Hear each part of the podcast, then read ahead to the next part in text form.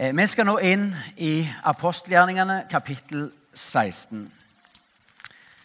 Eh, Og før jeg sier noe mer om det, så vil jeg bare lese et avsnitt derifra. I kapittel 16, og vers 6-10. Siden for de gjennom det frygiske og galatiske området, for den hellige andre hindra de i å forkynne ordet i Asia.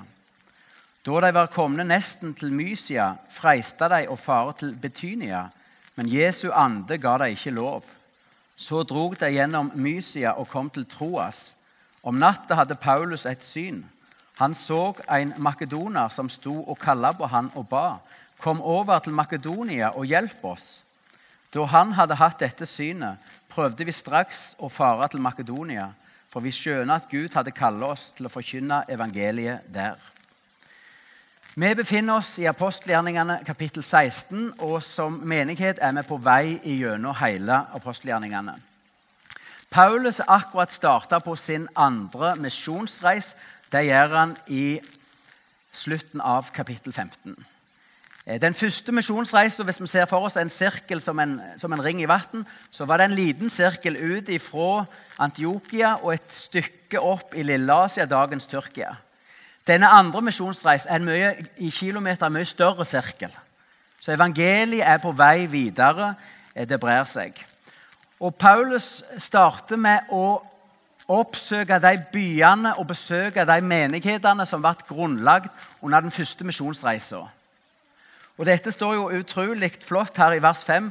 Nå ble forsamlingene styrkte i trua og økte i tall fra dag til dag. For en start på misjonsturen. Han besøker de nye menighetene som ble etablert forrige gang, og det skjer vekkelse og liv. Nye kommer til. Det er frelse, det er frukter allerede i starten eh, på turen. Men så ønsker Paulus å bryte nytt land. For han har et kall til å være hedningenes apostel. Til å settes i ære og gå til de som ennå ikke har hørt. Derfor drar Paulus på ei lang rute gjennom Asia, dagens Tyrkia. Men i starten er dette bare ei gjennomreis. Han stopper ikke. Han stopper ikke i nye byer og landsbyer og forkynner evangeliet. Og Grunnen er kanskje litt oppsiktsvekkende, for det står også i teksten eh, Den hellige ånd forhindrer de i å forkynne Guds ord i Asia. Eh, hvis vi skulle nevnt opp noen av eh, arbeidsbeskrivelsene, oppgavene til Den hellige ånd, så tror jeg ikke det var det første vi hadde kommet på.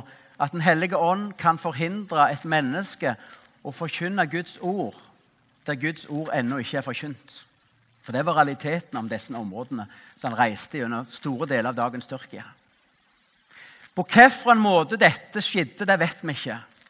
Men jeg vil tro at det var en eh, om du vil, en indre uro. Han hadde ikke den sanksjonen for å stoppe. Kanskje var det også sånn at når reisefølget samles til bønnesamling, så var det flere som delte. Du, jeg, jeg vet ikke hvorfor, men jeg kjenner på en uro. Vi skal videre. De fikk ikke grønt lys til å stoppe og forkynne i Asia.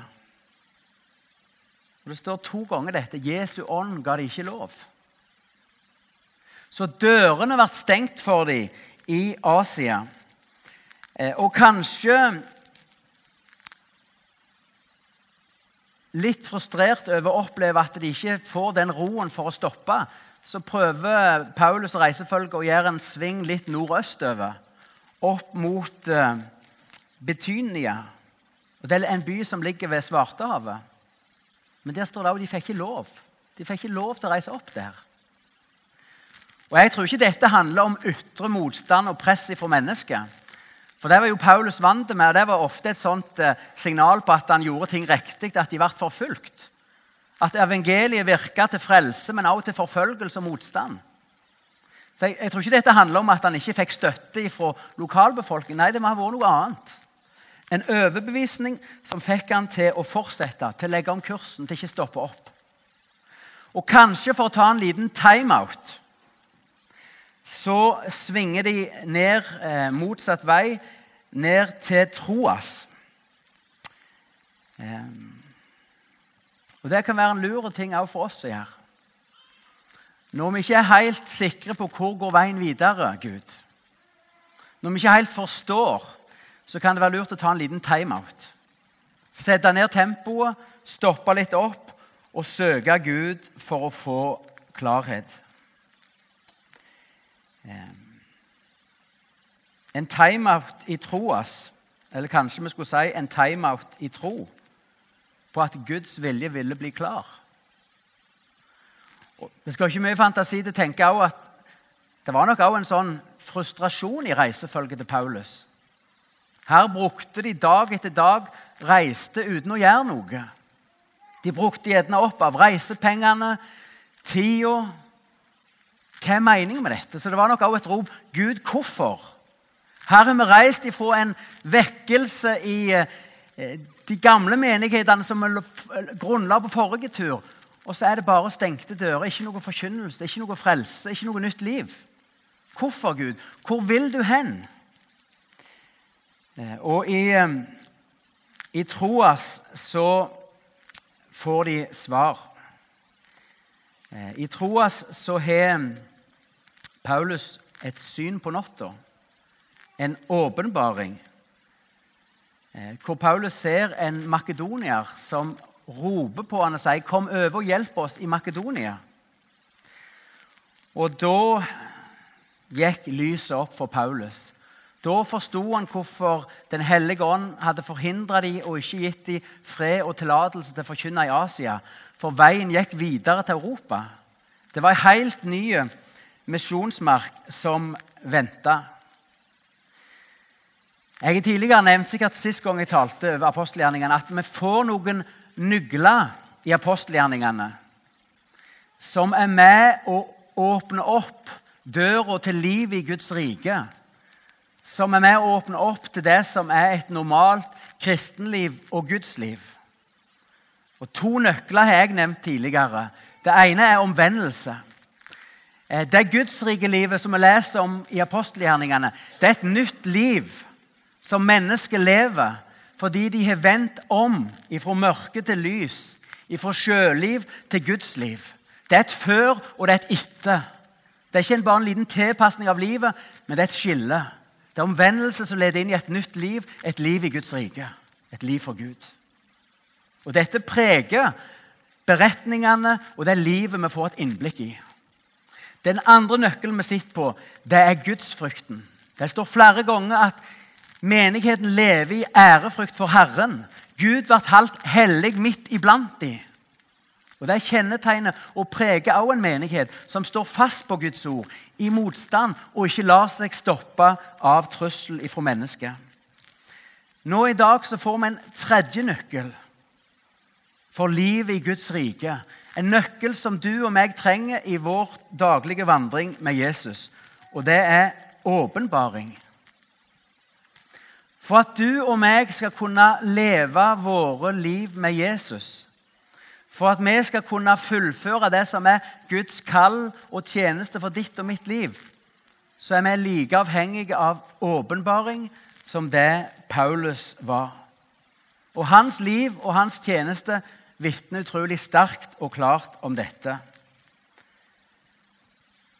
På vei til, bare for å ta en liten på Paulus. På vei til Damaskus så får Paulus en åpenbaring. Et sterkt lys slår han til bakken, og han hører Jesus' stemme. 'Saul, Saul, hvorfor forfølger du meg?' Der skjedde det en radikal omvendelse. I Damaskus, mens han sitter blinda, så får han en ny åpenbaring. Gud forteller han at en disippel kalt Ananias skal komme og be for han. Og Denne disippelen Ananias i en annen del av byen får en åpenbaring om at han skal gå og legge hendene på Saulus, for å se, nå ber han. Videre i kapittel 13 så er Saulus og Barnabas samla med menigheten i Antiokia. De feirer gudstjeneste og de faster. Da får de en ny åpenbaring. Menigheten. Ta ut Saulus og Barnabas til den oppgaven jeg har kalt de til. Underveis på sin andre misjonsreis en ny åpenbaring som forandrer kursen. Som får avgjørende betydning for hvor Paulus tjener. Videre i kapittel 18 så får Paulus en åpenbaring mens han er i Korint. Om at han ikke skal gi opp selv om det har motstand. For Gud har et stort folk han er kalt i denne byen. Og sånn fortsetter det. På vei til Roma i stormen når alt ser mørkt ut, så får Paulus en åpenbaring at de som er med deg, skal bli berga. Paulus sitt liv ifra omvendelse til reisen til Roma er kjennetegna og prega av at han fikk og mottok åpenbaring ifra Gud. Som haldt han i det kall, på det spor, i den tjenesten som Gud hadde for han. Noen tenker gjerne ja, men åpenbaring det er bare noe vi trenger for å bli frelst. Men det er helt riktig. Vi trenger åpenbaring for å bli frelst. Vi trenger både at Jesus blir gjort levende for oss, hva han har gjort for oss, og vi trenger at Gud åpenbarer synd, så vi ser vi trenger en frelser. Men i ordspråk 29,19 så står det uten åpenbaring så går folket seg vilt. Uten at folket får åpenbaring fra Gud, så går det seg vilt. Og Det som gjelder for folket, det gjelder også for deg og meg. Uten at Gud åpenbarer sitt ord, sin vilje, for våre liv, så går vi oss vilt. Det er ikke bare en engangshendelse for å bli frelst, men det er noe vi trenger også i vandringa i livet. Og Paulus, før sin omvendelse, så trodde han virkelig at han var på rett spor. Før Jesus ble åpenbart for ham. Han var sprengleste på Bibelen. Han kunne budet på rams, loven på rams. Han var nidkjær og brennende for tradisjonene, for overleveringen. Og han trodde han gjorde Gud en tjeneste når han forfulgte, fangte og fengsla de kristne. Han trodde han var på rett vei. Men så får han en åpenbaring, så tenker han helt annerledes om det som før var en tjeneste, og hva han nå skal tjene Gud med. Kanskje noen tenker ja, men dette med åpenbaring det er jo litt sånn svarmerisk. Eh, vi har jo fått en hel bibel. Eh, hvorfor skal man da snakke om at vi trenger åpenbaring? Vi har jo sannheten fra A til Å, fra første Mosebok til Johannes' åpenbaring. Vet du hva Paulus skriver i første, eller i Efeserbrevet kapittel 1 og vers 17. Der er Paulus en utrolig fin bønn som han ber. og Den er sånn som dette. Jeg ber om at vår Herre Jesu Kristi Gud, herligdommens Far, må gi dere visdoms- og åpenbaringsande, så det lærer Gud å kjenne. Gud ber for de kristne i Efesus, de han har forkynt evangeliet til. De som er frelst gjennom Jesu blod, de som har fått Ånden som pant på sin frelse. Han ber for de kristne i Efesus at de skal få åpenbarings- og visdomsånd, så de kan lære Gud å kjenne. Å kjenne Gud i Bibelen det er mer enn å ha teoretisk kunnskap. Det er også å ha liv og fellesskap med Gud. For at vi livet igjennom skal ha et levende fellesskap med Jesus, for at Gud skal forbli en levende realitet i ditt og mitt liv, så trenger vi åpenbaring. For at Guds vilje ikke bare skal være noe vi husker 20, ganger, 20 år tilbake, så var det et eller annet vi følte oss ledet av. For at vi i dag skal være ledet, så trenger vi at Gud åpenbarer og stadfester sin vilje for våre liv. Og Jeg må bare innrømme at underveis i mitt kristenliv så er det våre perioder hvor jeg har vært sånn mette. Jeg har vært mette, og jeg har vært fornøyd med min kunnskap og mitt kristenliv og menigheten. Og det er godt å være fornøyd med mange ting.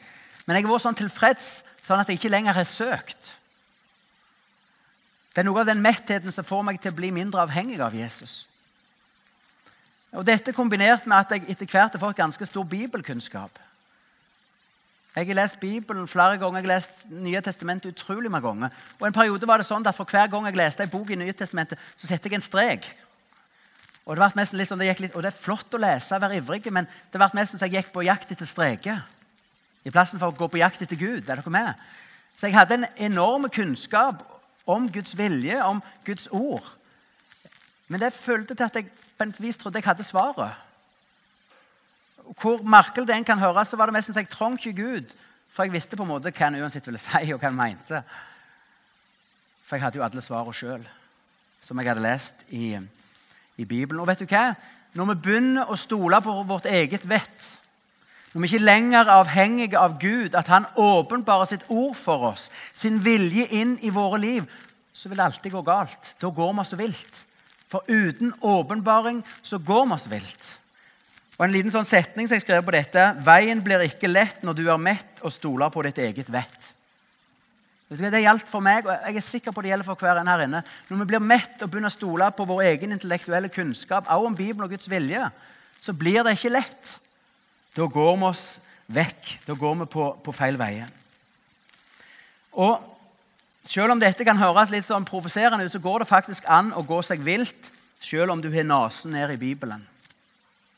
Det var det som hadde skjedd med fariseerne og de skriftlærde på Jesu tid. Det var det som hadde skjedd med Paulus før hans omvendelse, før Gud åpenbarte sin vilje og sin sønn for ham. De skriftlærde de gikk med nesen ned i Bibelen. De kunne han på rams, de kunne han utenat. Men de var blinde, og de så ikke Jesus når han kom. Når Frelseren sto der, så avviste de han. Og Jesus sa, 'Dere gransker Skriften og tror dere er evig liv i deg, i deg, men om dere ville komme til meg, meg som Skriftene vitner om' Og når Jesus underviste, så var det jo sånn det begynte å brenne i, i hjertene til disiplene. Og, og øynene ble åpna. Han forklarte Skriftene for dem. Han åpna Skriftene for dem. Og det trenger du og meg òg. Og Det forteller meg at når vi går inn i Bibelen, og det skal vi gjøre, og vi skal gå inn så ofte vi kan Vi skal grunne på den, vi skal lese den, vi skal memorere den, vi skal holde fast på den. Men vi trenger også å gjøre det med ei ydmyk ånd. Vi trenger Gud for å forstå Bibelen rett. Bibelen er åpenbaring, men den må også åpenbares for oss. Ditt ord gir lys når de åpner seg, står det i salmene. Det gir den uerfarne innsikt. Gud må også åpne ordet for oss. For at det skal bli det lyset og den lykten for vår fot og lys på vår sti, så trenger vi at Gud åpner ordet. Vi kan ikke begynne å bli skriftlærde som bare stoler på vår egen kunnskap vår egen læretradisjon, våre egne gode teologiske meninger. Men vi trenger Gud, og vi trenger at Gud åpenbarer. For å gi noen eksempel på dette Det går an å være bibellærer og kunne si utrolig mye om Guds karakter, hans hellighet, hans kjærlighet, hans rettferdighet, hans allmakt uten at en personlig kjenner Gud. Det går an å kunne de ti bud og ha undervisninger om budene og allikevel være blind for synd i sitt eget liv. Det går an å ha et langt foredrag om det Bibelen sier om avgudsdyrkelse, og allikevel ikke se den avguden som en sjøl har begynt å tilbe. For vi trenger åpenbaring. Vi trenger at Gud åpenbarer sitt ord over våre hjerter, over vårt liv.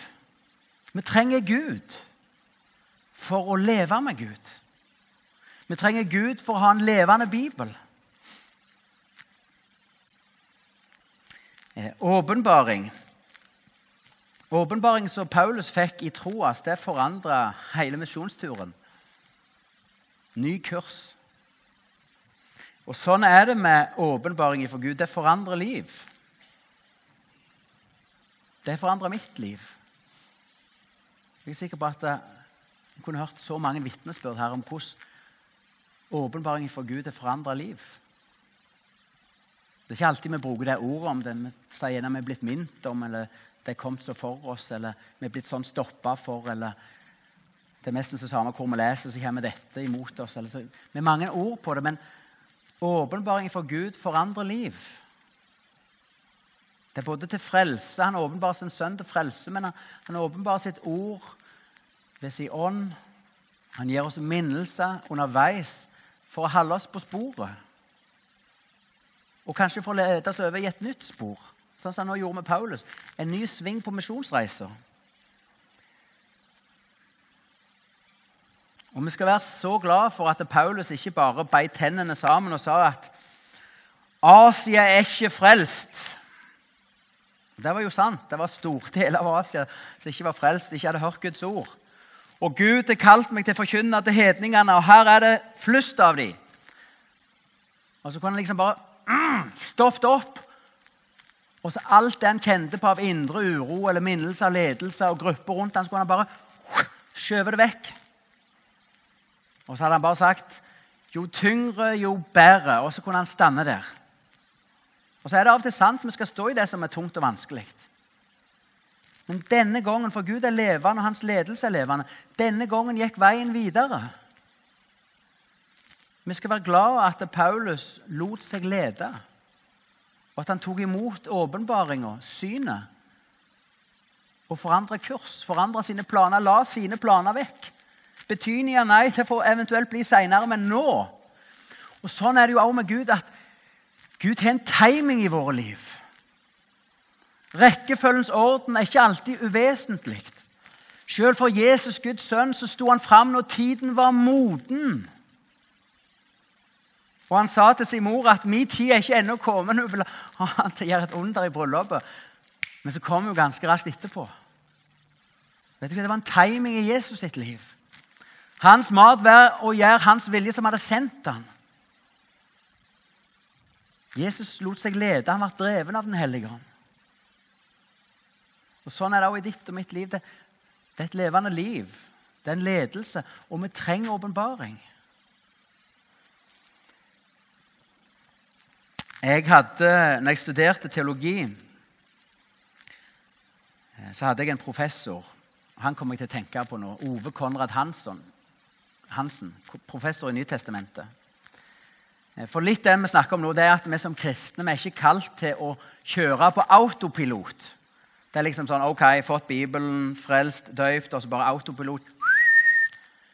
Nei, vi er jo kalt til å leve i åndens ledelse. Ikke leve selvstyrte liv, men åndsdrevne liv. Og Ove Konrad Hansen han hadde et engelsk uttrykk som han eh, likte og var opptatt av, og som han delte med oss studenter. Og Det sa han med en sånn glede. Keep in step with the spirit. Det var en liten sånn hjertesak for han. Keep in step with the spirit. At en skulle holde fulle med ånden, at en skulle gå der ånden leder. Det var veldig flott at selv en sprenglærd nytestamentprofessor Det var det hjertet han hadde, og at vi må gå i åndens ledelse. At vi ikke må springe føre eller gå andre veier, men keep in step with the Spirit.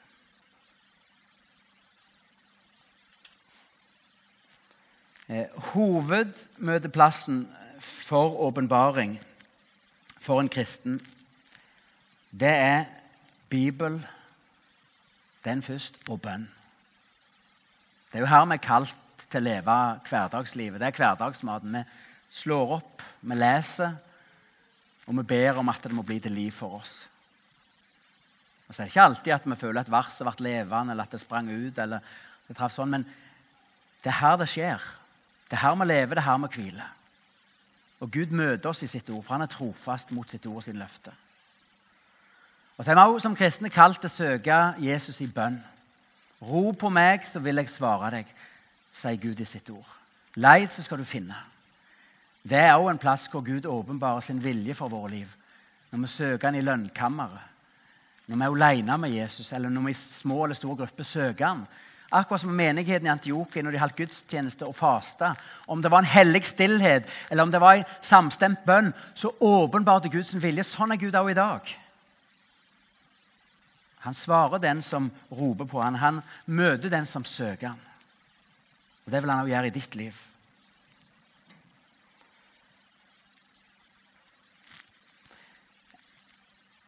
Jeg syns det er en utrolig spennende dynamikk i, eh, i åndens liv og ledelse, sånn vi møter det i apostelgjerningene.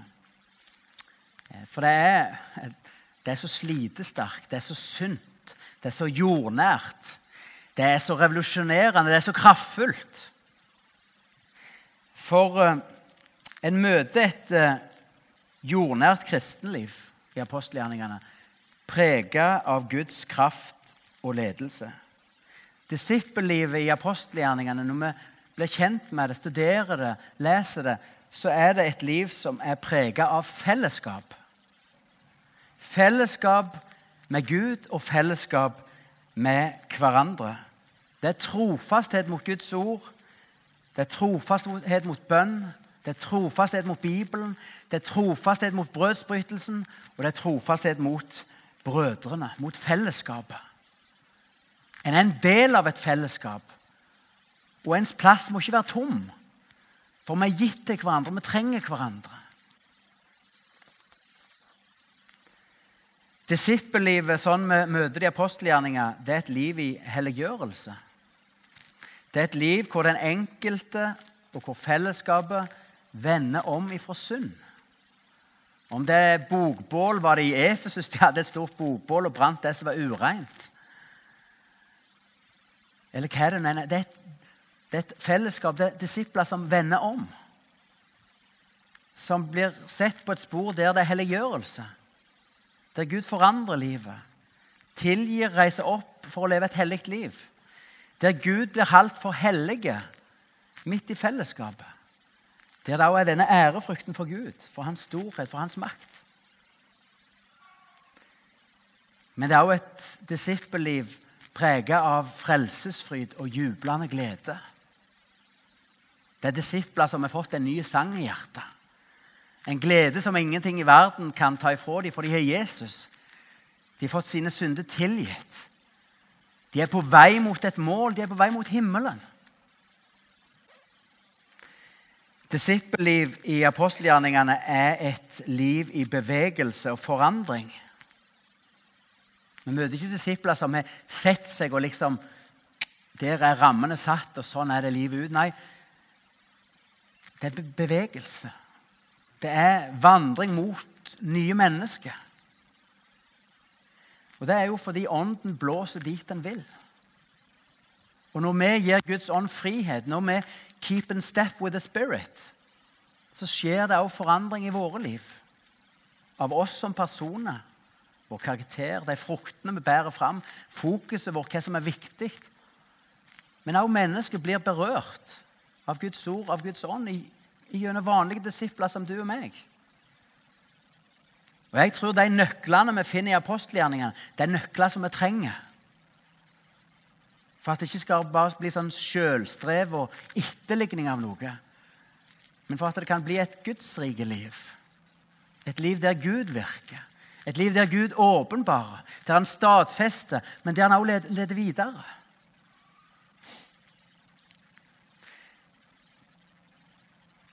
Siste punkt en oppfordring til oss alle.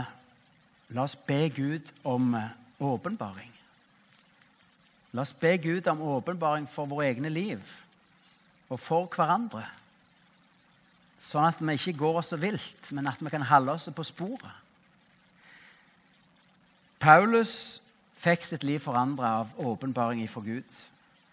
Og Paulus forblei i Guds plan med sitt liv, og han fullførte sin tjeneste og sitt løp fordi han lot seg lede av Guds ånd og den åpenbaring Gud ga ham. Ja, evangeliet kom til Europa, til oss, fordi Paulus var under ledelse. Ja. Og kanskje flere, kanskje mange av oss i dag Hvis vi skal være ærlige med oss sjøl, så er vi kjørt på autopilot i årevis. Vi er blitt litt sjølgående og selvstendige i kristenliv og tjeneste. Og Kanskje for noen så gjelder dette om at en har begynt å gradvis stole mer og mer på sin egen bibelkunnskap. På sin egen forståelse, på sitt egen fornuft, på sine tidligere erfaringer. Og kanskje også for noen av oss at en begynner å stole på sin egen dyktighet i tjeneste. Sånn at en blir mer selvgående, mer selvstendige. Og så skjer jo det store tapet at vi trenger Gud mindre. At vi blir litt mer et sånn lukka univers som ikke Gud Hva nå? Hvor går veien? Gud, jeg kan ikke dette uten deg. Jeg trenger et ord ifra deg. Jeg trenger en veiledning. Og, da går vi oss jo vilt. Så la oss be Gud om åpenbaring. La oss være et fellesskap, la oss være mennesker på kne som ber om Guds vei. Som ikke er stolte og selvsikre, men som er ydmyke og avhengige. Fordi vi klarer ikke dette selv. Vi kan ikke den reisa sjøl. Vi kan ikke fullføre tjenesten sjøl. Vi trenger Gud.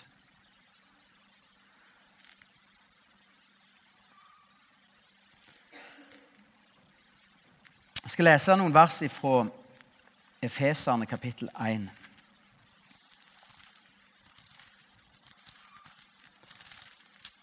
Efeserne 1, vers 17-20.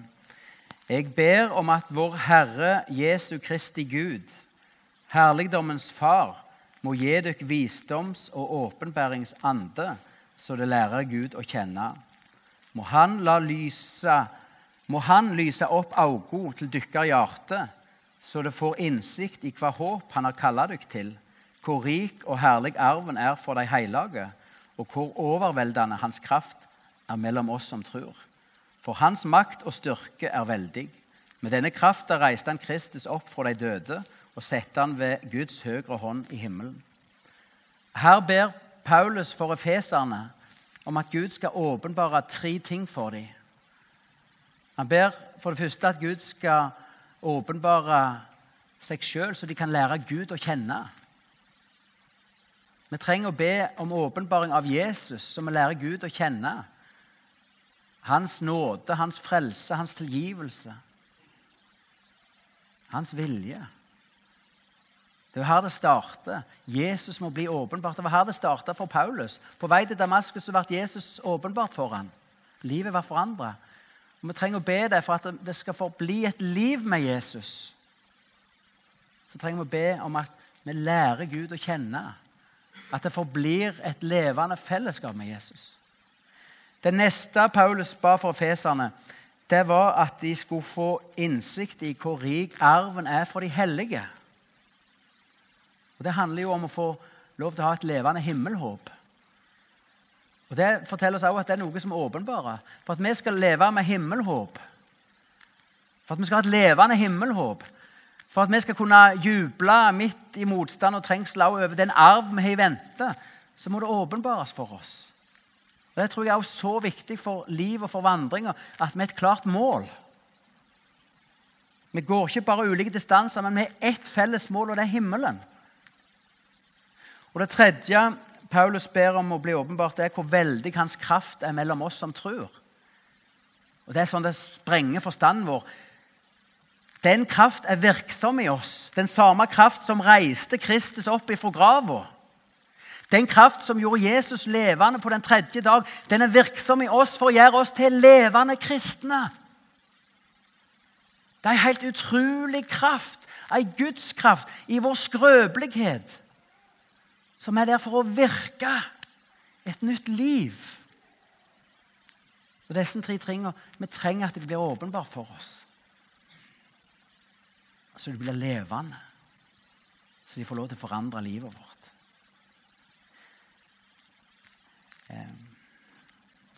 Ja, jeg er selvsagt frivillig, men litt seinere i Efesan så bøyer Paulus kne for Faderen. Og så ber han ei bønn om at vi må bli styrka i det indre mennesket. Jeg har lyst for mitt eget liv og for fellesskap så jeg har lyst til å knele nå, og at vi skal be Gud om å åpenbare disse tre sannhetene for oss sånn at de kan få lov til å virke i våre liv. Så vi kan få være på hans vei og ikke gå egne veier. De som vil er med meg nå, så kneler vi, og så tar vi og ber.